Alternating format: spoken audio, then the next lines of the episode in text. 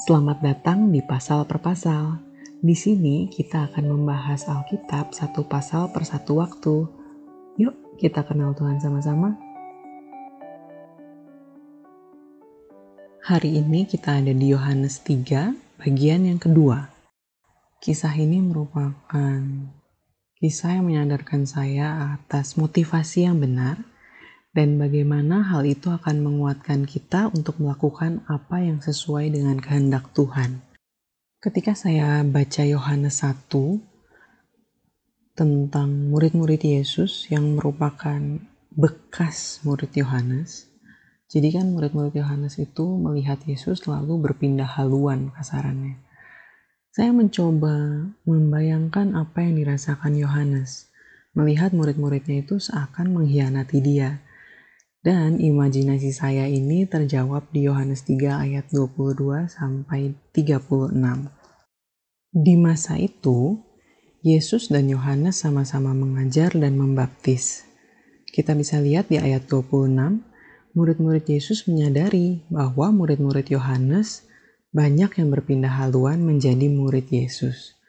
Nah, murid-murid Yesus ini dari kata-katanya tampak seperti merasa apa yang Yesus lakukan bersama murid-muridnya adalah ancaman bagi keberadaan kelompok mereka. Bukankah hal ini sering muncul dalam pelayanan kita di gereja? Kita merasa satu kelompok gereja dengan gereja lainnya adalah pesaing.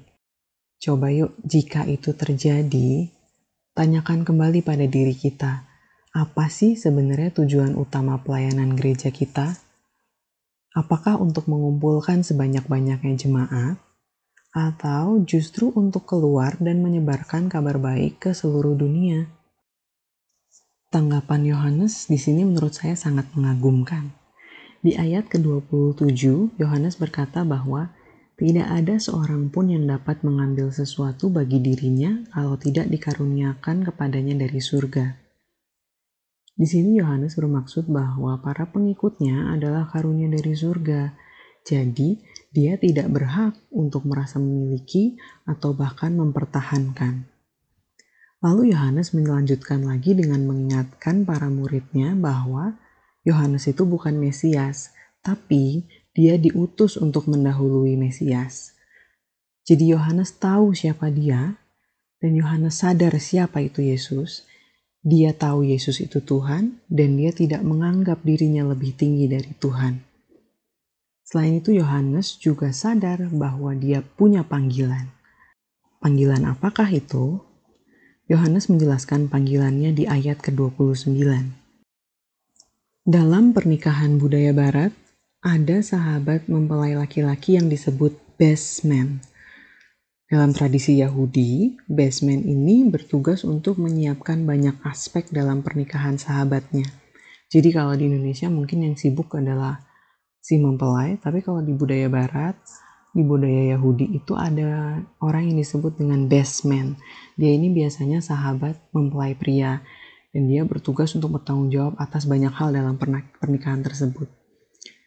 Walaupun dia bertugas dan bertanggung jawab atas banyak hal, Baseman ini sadar bahwa yang menjadi fokus perhatian bukanlah dirinya, tetapi mempelai laki-laki. Yesus adalah mempelai laki-laki dan Yohanes adalah baseman. Yohanes justru sangat bersuka cita ketika Yesus bisa membuat banyak orang percaya pada Yesus. Karena memang itulah motivasi Yohanes sejak awal. Sama seperti baseman yang berharap pernikahan mempelai laki-laki berlangsung dengan baik, begitu pula perasaan Yohanes.